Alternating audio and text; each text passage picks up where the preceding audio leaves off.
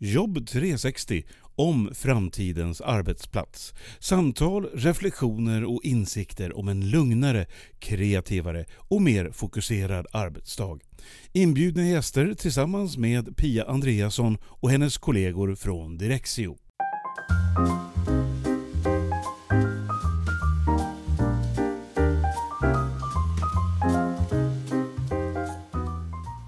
Nu ska jag snart få besök i podden Jobb 360 av min kollega Ann Epstein och Lena Lehmann. Lena Lehmann har ju varit med i podden tidigare och pratade med mig och min kollega Åsa om arbetshälsa. Den här gången ska vi prata om arbetsplatser som passar för alla. Och jag kan själv inte så mycket om det här ämnet men Ann och Lena kan desto mer. Så nu är jag väldigt nyfiken och intresserad av att få lära mig om hur man ska tänka när man vill skapa arbetsplatser som passar för alla människor.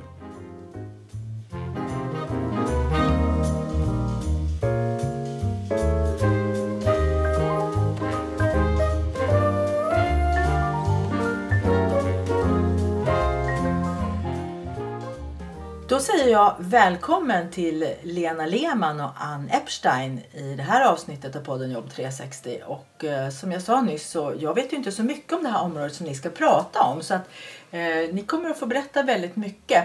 Lena, först kan du berätta vad du gör och var du kommer ifrån? Mm. Ja, jag är eh, konsult inom arbetsmiljö och arbetshälsa. Har jobbat många år på företagshälsa på Feelgood och eh, i det här området så jobbar jag just nu i ett projekt som heter UUA, vilket står för Universellt utformade arbetsplatser. Det är ett projekt med ESF och eh, olika aktörer som Funktionsrätt Sverige, Swedavia, Akademikerförbundet SSR, Sveriges företagshälsor och eh, eh Ramstad. Och syftet är att man ska skapa utbildningar för att eh, arbetsgivare ska kunna utforma sin arbetsplats universellt. Och universell utformning är enligt FN en utformning som passar alla individer oavsett eh, olika diskrimineringsgrunder och oavsett olikheter. Så det är jättespännande. Aha, är det ett nytt projekt nu som startar då? Ja, det är ett nytt projekt. Jag har hållit på sedan i snart två år faktiskt och nu startar utbildningsinsatserna Eh, här i höst så kommer vi ha de första utbildningarna för olika kommuner. Eh, och då riktar vi in oss på kontorsmiljöer och vi vänder oss till eh, välfärdssektorn först och främst. Men det kommer förhoppningsvis bli fortsättning. Det är nya tankar på gång. Ja, och Ann Epstein, mm. vad har du att berätta om dig? Ja, jag har jobbat med chefer, för chefer och som chef under många år. Och jag tänker att när vi pratar om det här med funktionsnedsatta eller de med funktionsvariation så till syvende och sist så är det ju chefer som anställer och där tänker jag att vi behöver utbilda människor överlag om det här med vad det innebär att ta emot personer med funktionsvariationer. Vad är det man ska tänka på och hur ska man göra så att det blir rätt? För idag tror jag att många inte gör något alls för man är så himla rädd för att man ska göra fel. Och då tänker jag varje gång man gör eventuellt något som är fel, om det nu finns rätt och fel, så lär man sig ju något. Så att, eh, dessutom så är jag ju förälder och eh, praktiker och jobbar också i ett projekt som heter, eller med ett projekt som heter Funkisfestivalen. Som är en melodifestival för personer över 15 år med kognitiv och neuropsykiatrisk funktionsnedsättning. Och de sjunger och när vi då sen har finalen så har vi en 12-man-orkester som spelar live bakom vilket gör att vi har den bästa av två världar som möts. Och de som vi har haft med som bland annat bröderna Rångedal har suttit i våran jury och de säger så här det här är den riktiga melodifestivalen för här är det live. Och det är det ju inte på den där andra som de flesta känner till. Aha, det kände jag inte till. Mm. Eh, vi kommer direkt in här på en av de frågorna som jag hade liksom förberett lite här i alla fall. Eh, och vad som görs idag då som är bra och positivt och framgångsrikt. Och då nämnde du just det här med Funkis Melodifestivalen. Mm. Eh, och jag har också sett här nu att det finns en reklamkampanj i tv som handlar om att om man har ett funktionshinder så kan det visserligen vara lite bökigt i vardagen men man har också sitt jobb där man gör, en, en, ett, ja, där man gör jobbet helt enkelt. Så jag tänkte Lena, vad ser du som görs idag redan som är positivt och framgångsrikt inom det här området? Alltså jag tycker att det görs ganska mycket och ganska lite. Eh, om man tittar på det som, som, som du nu berättar om här med, kopplat till Funkisfestivalen så handlar det ju mycket om att göra rätt från början. Vi jobbar mycket med att säga att det, den arbetsmiljön som passar alla, som passar olika, den passar också alla andra. Och om man gör rätt från början, ja dels öppnar man ju dörren för alla individer att våga söka sig till arbetet. Precis som du sa att det är ändå en arbetsgivare som anställer här. här. Men eh, om man inte gör rätt från början så stänger man dörrar och dessutom blir det väldigt kostsamt att anpassa i efterhand.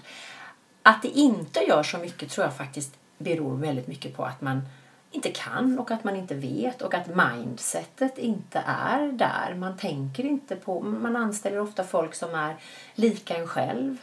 Eh, man vill spegla sig i de som finns på arbetsplatsen rent automatiskt. Man har ett normalläge som man utgår ifrån.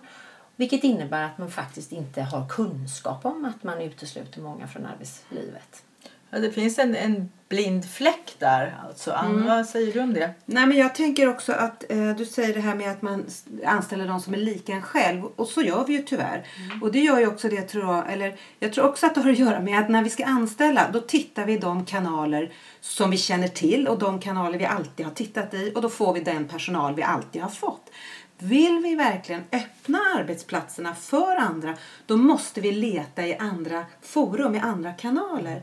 Och jag tror också, det här kanske är lite kontroversiellt att säga, men jag tror också det här att vi idag har så mycket rekryteringsfirmor är ett hinder. Därför att de får ju betalt eh, utifrån det uppdrag de har. Och för dem så handlar det om att det ska gå ganska fort. För då är det mer lönsamt för dem. Så att det är inte företagen själva som anställer, alltså det är de som anställer men det är inte de som gör processen hela tiden. Urvalet. Urvalen. Mm. Och jag tror att om jag själv så att säga ringer upp en arbetsgivare, om jag har en funktionsvariation och säger hej, jag skulle vilja jobba hos er, jag är bra på de här sakerna. Då tror jag att det är betydligt lättare att nå eh, beslutsfattaren och den som ska anställa än om jag ska gå till någon rekryteringsfirma och säga det här är jag bra på, jag skulle vilja jobba på företaget AB. Därför då har jag, det är en tröskel där. Då ska de förstå mig och se om vi matchar. Så jag tror att där blir, har vi, det är för långt. Liksom. Det blir som ett filter där på något sätt som sållar bort på fel sätt. Och då kommer jag in på ytterligare en undran som jag har, Lena. Ansvarsfrågan i det här då. Vilka aktörer finns det som, som har ansvar och behöver ta reda på mer av vad det ansvaret kan innebära när det gäller det här området med att anpassa arbetsplatserna för alla? Ja, men idag har ju en arbetsgivare ansvar. Det finns ju enligt diskrimineringslagen och diskrimineringsombudet så finns det ju eh, krav på att vi ska genomföra aktiva åtgärder eh, på arbetsplatsen. Så vi ska eh, faktiskt titta på detta som en systematisk arbetsmiljöfråga.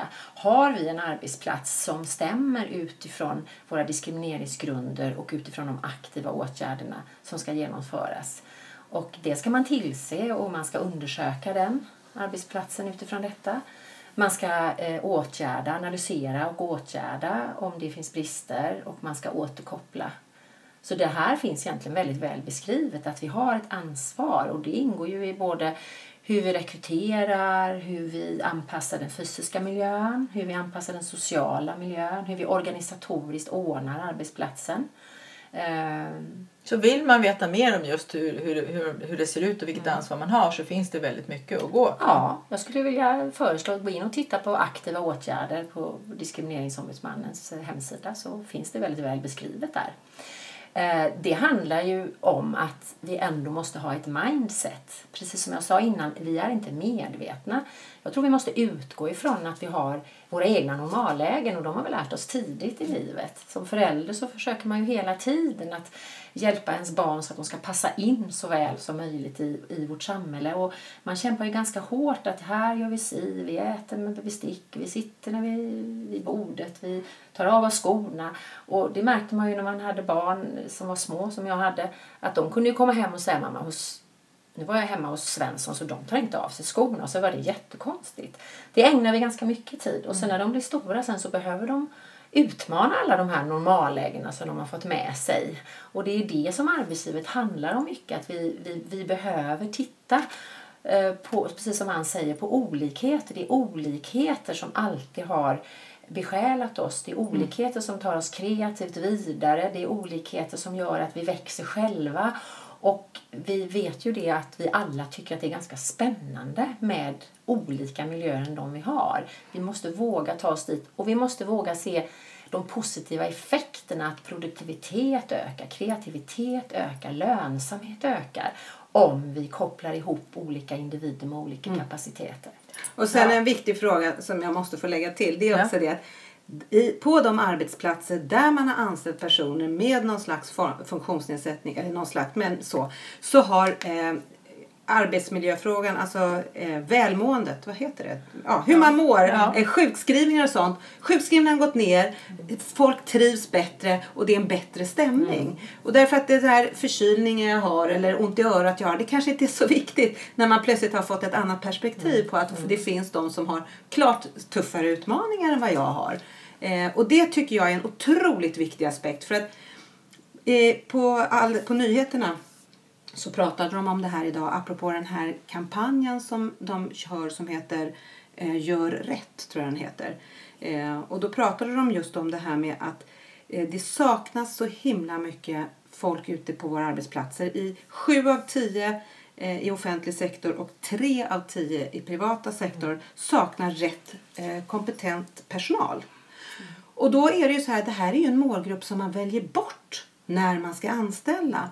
Och då undrar man så här, hur är det möjligt? Och det finns ju oerhört många fördelar förutom de som du Lena nämnde så är det också det att man pratar om samhällsnyttan därför att det blir skattebetalare istället och inte minst plus att du mår bättre när du blir eh, får visa att du kan något och får vara en delaktig i samhället. Det är verksamhetsnytta, ja precis som du är inne på, det är lönsamt och det är kreativt och vi mår bättre. Och sen är det individnytta, inte minst att jag som individ mår bättre. Och då kan vi komma in på FNs konvention om mänskliga rättigheter. Vi har en rättighet att få bidra i samhället.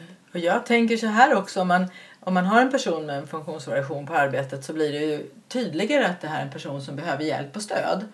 Eh, Men det här med att behöva hjälp och stöd och uppbackning, kanske uppmuntran, kanske någon extra instruktion någon gång. Det är ju ingenting som är specifikt för personer med en funktionsvariation. Det behöver ju vi alla. Men vi som är så att säga normalstörda, vi kan ju dölja det här. Vi kan ju gå omkring och, och låtsas som att vi kan eller är mörka med det att vi behöver stöd i någonting och så sitter man där vid sitt skrivbord och känner sig helt förtvivlad för att man inte klarar något. Men då är det liksom inte okej att be om hjälp.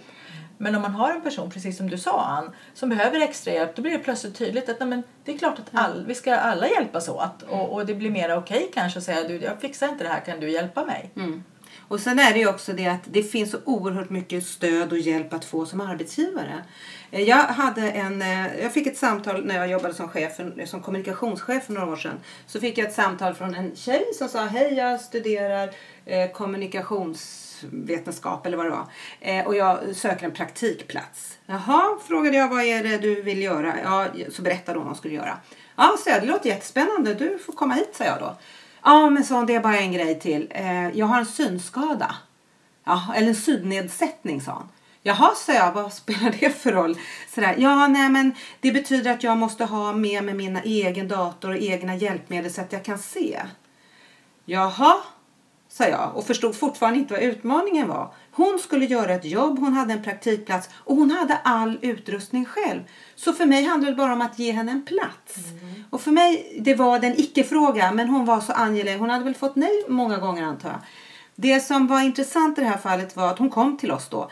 Men hon fick ingen hjälp från sin skola utan hennes pappa fick komma med hela den här enorma utrustningen som behövdes. Eh, och det gick ju jättebra. Och det var jättespännande och det var många som tyckte att det var intressant på mitt jobb där jag var då. Därför de var inte så vana vid att se de här eh, människorna eller se att det går med rätt stöd och hjälp. Ja, då tänker man ju på också när vi är inne på att utforma arbetsplatser att får man en sån här person nära sig så är det, antar jag att det är lättare att se vad är det som är tokigt nu här på våran arbetsplats.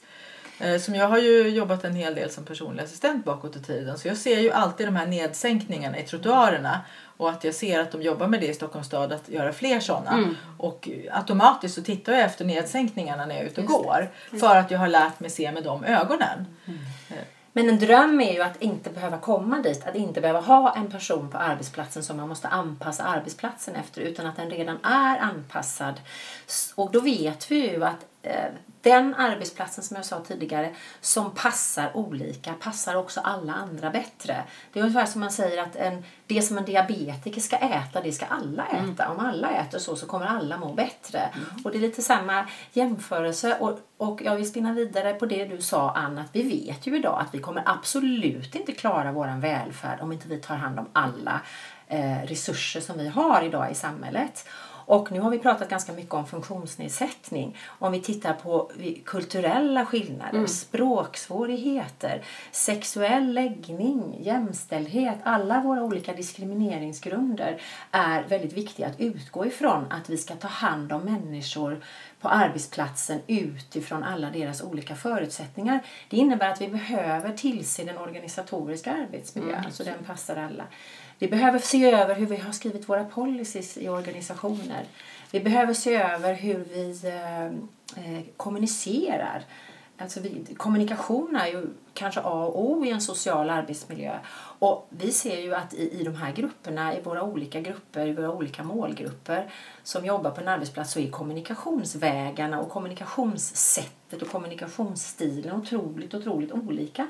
Och den traditionella kommunikationen kanske passar bara en liten del av eh, befolkningen som skulle kunna jobba på vår ja. arbetsplats. Det som, eh, som jag märker när jag är ute och utbildar då inom, inom medvetet och digitalt arbetssätt det är ju också samma sak som du sa Anna, att man väljer ju efter sina egna preferenser. Mm. Och är man en person då som är verbal då tenderar man ju att alltid gå till den person man vill mm. prata med och ta ett samtal.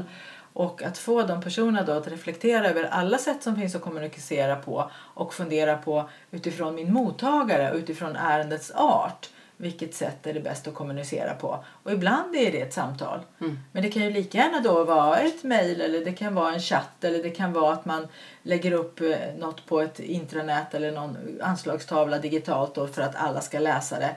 Istället för att man står och gör en muntlig dragning. Mm. Eh, och att man eh, kanske tycker att men jag är bra på att prata. Då ställer jag mig och pratar så har alla förstått. Men som du säger, man kanske inte når ens hälften då genom det pratet utan det finns folk som behöver det på ett annat sätt. Sen behövs det också språket. Alltså vilka ord använder vi oss av? Talar vi enkelt eller lätt eller använder vi oss av vårt interna humbo mumbo språk som är liksom det som bara vi som jobbar på det här företaget förstår. Eh, det är också någonting som när man jobbar, jag jobbar ju framförallt med personer med kognitiva funktionsnedsättningar och då handlar det väldigt mycket om att prata på ett enkelt sätt. Och det är ganska intressant hur man eh, när man är inne i det är det så naturligt och självklart medan för andra så kanske det blir lite märkligt därför att det är korta meningar, det är en sak i taget och man stämmer av liksom att har du förstått liksom vartefter så man drar inte alltihop och sen säger är vi klara nu för det går väldigt dåligt då. Men då är osäkerheten där är väl att man behöver vara tydlig. Ja. Att man måste först skapa en tydlighet inuti sig ja. själv för att sen kunna kommunicera på det här enkla sättet. Mm. Och det har jag också märkt att när, när man ska bli mer tydlig för andra människor med vad man gör och, och hur man tänker och så vidare. Framförallt när man då, det som vi jobbar med på Direxio, att man ska visa andra hur jag planerar min dag. Att det faktiskt är en offentlig sak och ingenting man, eller offentlig, på, det, det tillhör också kollegorna hur jag tänker göra. Eh, då blir det jobbigt att bli tydlig. Just det. När man inte får sätta sig och bara vara lite rörig i huvudet. Och så, utan nu måste jag först tänka efter och sen mm. ska jag planera och sen ska jag göra. Mm. Att det är besvärligt för många. Inte, och då får man vara störd på vilket sätt som helst ja, på säga. Det är, tydlighet är jobbigt för väldigt många människor. Ja, absolut. Och då kommer vi ju direkt in på en annan eh, fråga som handlar ganska mycket om inkludering och lika behandling och det är ju jargonger. Mm. Kulturer som sitter i väggarna. Mm. Man, eh, det är ju otroligt eh, vanligt i, i våra organisationer och inte minst nu efter hela metoo-vågen här så blev det ju väldigt fokuserat. Det är ju väldigt lätt att en jargong absolut inte är inkluderande. Mm. Det är väldigt lätt att en jargong innehåller härskartekniker. Det är väldigt lätt att en kultur i ett fikarum absolut inte passar alla individer som jobbar på arbetsplatsen och inte är inkluderande. Utan i, i eh, ambitionen att ha roligt och smitta med humor och så vidare så kanske man till och med kränker vissa individer. Det handlar också om hur man planerar sociala aktiviteter. Passar det alla? Mm. Eh, där ser vi ju många exempel på att man planerar kanske aktiviteter där det involveras alkohol fast man vet att det finns människor som har alkoholproblem ja, och så vidare. Så att jag, det har jättemycket att jobba med här. Eh, och just att kulturen sitter i väggarna det ska vi akta oss för. Och även magkänslan är också en sån här sak som man ofta... Jag, jag rekryterar med magkänslan. Ja, den är den farlig. Den är farlig. Det du säger om fikarummet också, det har jag hört på några som har sagt det på sistone att, att det är, när man börjar jobba på ett nytt sätt, så det här aktivitetsbaserade sättet som, som vi på Direxo är mycket inblandade i att hjälpa företag med. Eh, då är det så att då blir ju inte fikarasterna lika fasta längre. Och vissa upplever ju det som att det är lite besvärligt för då vet jag inte längre när jag kan träffa mina kollegor. Det brukar ju lösa sig för man brukar ju behålla samma tid. Men eh, de som då inte tycker att det här fika, eh, fikapauspratet är bekvämt. De behöver ju inte gå dit längre. Mm precis. Eh, och jag var på en arbetsplats förut där jag kände mig tvungen att gå och sätta mig vid fikabordet för att inte verka onormal. Och jag var väldigt obekväm med det. Efter tio minuter, en kvart ville jag gå därifrån. Men där var kulturen att man satt en halvtimme. Och den där sista kvarten stö- stökade för mig tyckte jag. Eh, Så det här med kulturer som är inbyggt liksom, så här gör alla och så tror man att det passar alla men så är det ju inte. Då är jag tillbaka till det här med chefsansvaret. Eh, För det tänker jag är ett otroligt stort eh, ansvar för en chef att säga liksom stopp, det här är inte okej, det här språket oss inte av eller att alla är välkomna men man måste inte. Och så att man som chef liksom sätter ner foten och talar om vad det är som gäller. Därför att låter man som du säger den här jargongen, låt man den gå för långt så kan det bli oerhört svårt. Och jag tänker också att vi har ju också, måste ta ett civilkurage vi andra så att säga och säga det att vänta ett tag. Jag gillar inte när du pratar på det här sättet om blåögda eller om vad det nu kan vara. Kroknästa. Vad det nu är liksom. Det är inte okej. Okay. Och då så har vi inte bara chefen som ska säga utan vi säger det själva. Att jag gillar inte det här. Eller bara säga det att vet du vad. Nu har jag suttit här i tio minuter. Jag går tillbaka och jobbar. Liksom. Det är nice men nu är det dags att jobba igen. För jag tycker också det att vi på, i Sverige har en fika kultur på vissa ställen. Som, eh, det kanske är viktigare att fika än att jobba. Mm. Och då handlar det inte om att man har en funktionsnedsättning eller inte, att det inte blir effektivt, utan då handlar det faktiskt om vårt eget ansvar, hur vi bidrar. Ja, och på tal om ansvar som du nämnde nu. Lena, vilka aktörer är det som eh, samspelar inom det här området? Då? Vi har ju arbetsgivarna, men vilka andra aktörer finns det som kan hjälpa till med de här delarna? Ja, men jag tror att de aktörerna som är på det här har jättestor möjlighet att hjälpa till. Jag ser de organisationerna som vi jobbar med inom UVA är ju väldigt uppsjungna på de här eh, olika områdena. Och det är ju då facklig organisation till exempel. Eh, och vi har eh, Funktionsrätt Sverige, vi har Sveriges företagshälsor. Sen är det ganska svårt att säga vem det är som bär ansvar. Det yttersta ansvaret är ju en samhällsfråga som jag ser det, och en arbetsgivarfråga. Och eh, för att kunna hantera samhället framöver och för att kunna hantera vår välfärd så behöver vi ta hand om alla. Jag är lite osäker på vad man skulle kunna säga har ett ansvar egentligen förutom arbetsgivaren och samhället. Vi har ju också hela den ideella sektorn som jobbar väldigt mycket med de här frågorna. Som ju, där vi eh, kan lära oss massor eh, och där vi verkligen har en viktig aktör.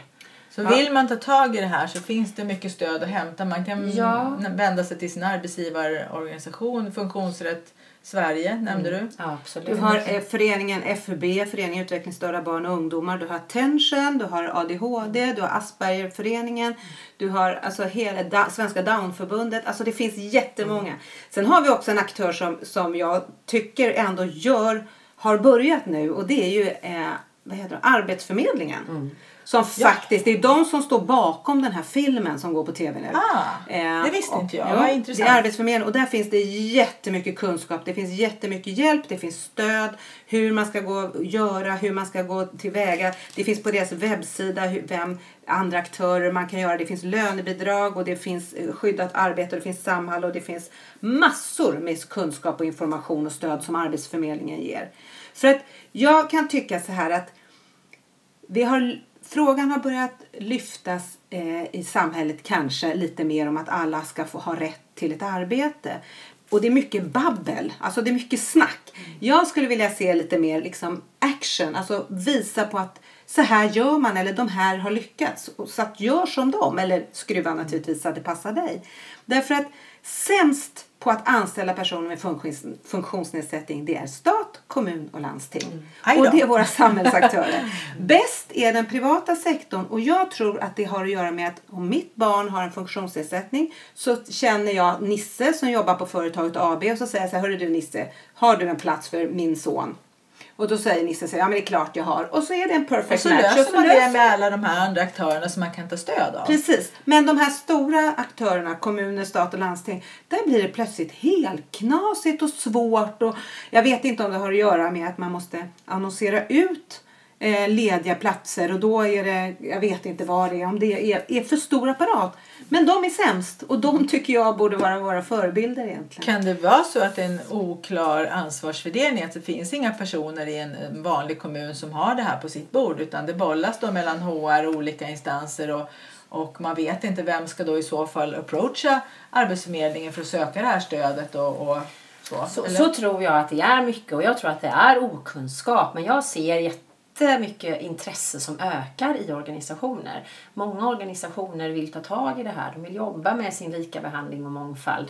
Både inom stat, kommun och landsting och i privata företag. Och precis som du säger här tycker jag Ann, så är det jättebra att använda de goda exemplen. Den här eh, annons, eller den här Kampanjen. kampanjen nu som man ser i tunnelbanan och allting som Arbetsförmedlingen har, den är alldeles strålande. Den berör på ett sätt så att det, egentligen det största ansvaret tror jag ligger hos individer.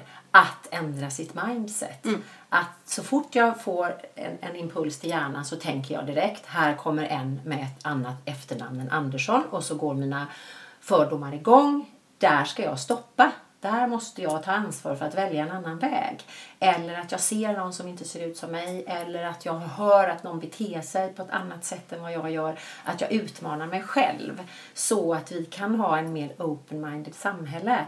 Där vi verkligen eh, öppnar hjärtat för alla och där de mänskliga rättigheterna råder. Lika mänskliga rättigheter. Där startar allting. För vi som är i samhället, vi bygger organisationer. Och ju mer vi har ändrat vårt mindset till en mera inkluderande och lika behandlingstanke så kommer vi också påverka våra arbetsplatser.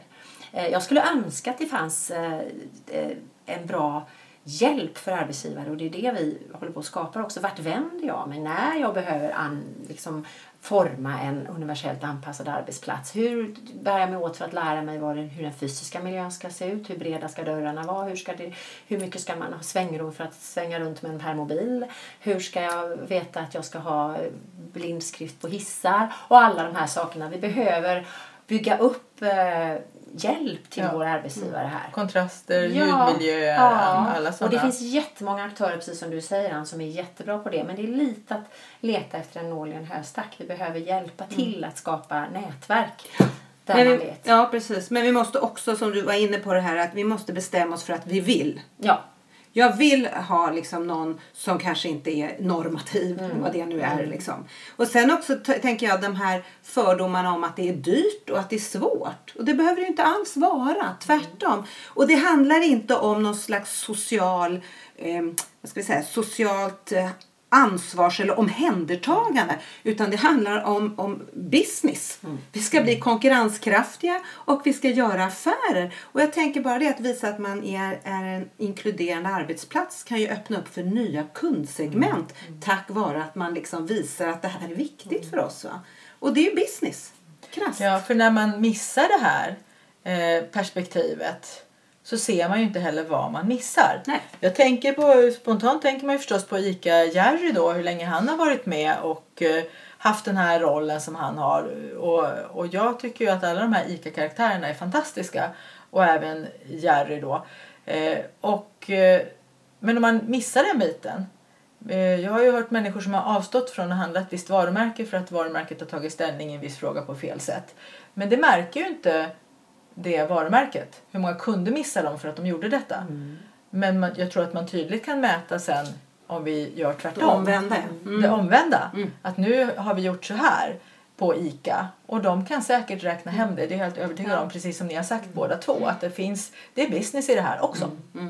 Och, och, precis, och där tycker jag det är väl det som är den viktiga viktigaste mindsetet. Att vi, gör, vi ska inte inkludera eh, individer med olika funktionsvariationer i arbetslivet för att vi ska vara snälla. Nej. Utan vi ska göra det för att vi ska också se en enorm kapacitet, precis som du säger, en ökad produktivitet. Och vi vet ju idag att en individ som kanske har en ADHD-problematik med, och dessutom kanske då tillsammans med det mycket kreativitet, mycket tänka utanför boxen och så som ofta kan höra ihop där Eh, tillsammans med en strukturerad person så kan ju ett plus ett bli fyra mm. istället för två. Mm. Och det är det här kraften som vi ska ta vara på.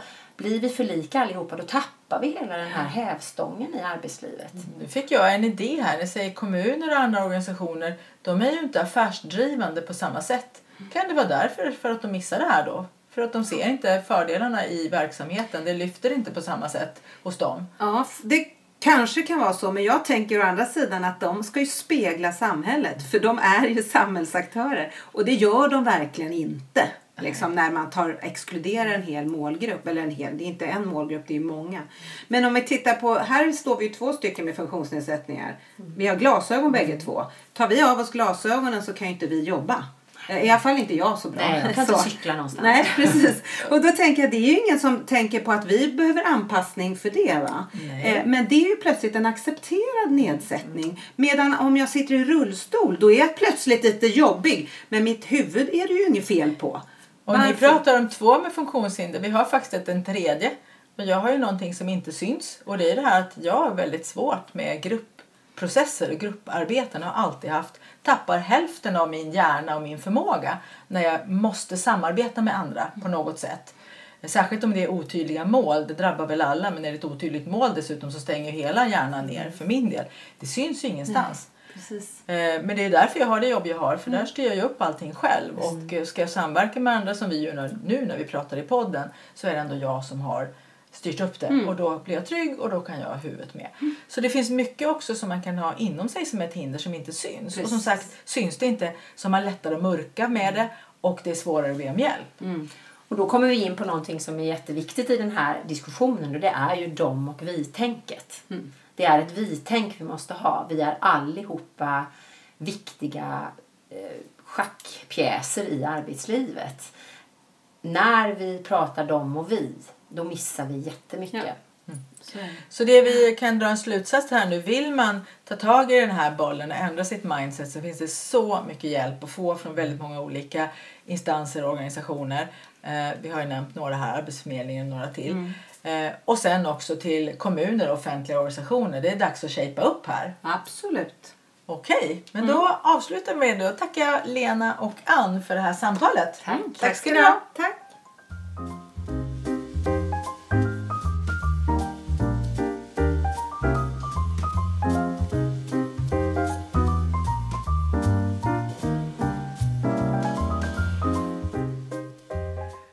Nu vet jag mycket mer om vad det innebär att en arbetsplats passar alla. Det jag tyckte var mest intressant var att det finns så mycket hjälp att få för de företag och organisationer som vill tänka på att se till att framtidens arbetsplats passar alla människor, även personer som har olika typer av funktionsvariationer. Så tack igen Ann och Lena att ni berättar det här för mig och också nu för alla som lyssnar på podden Jobb 360.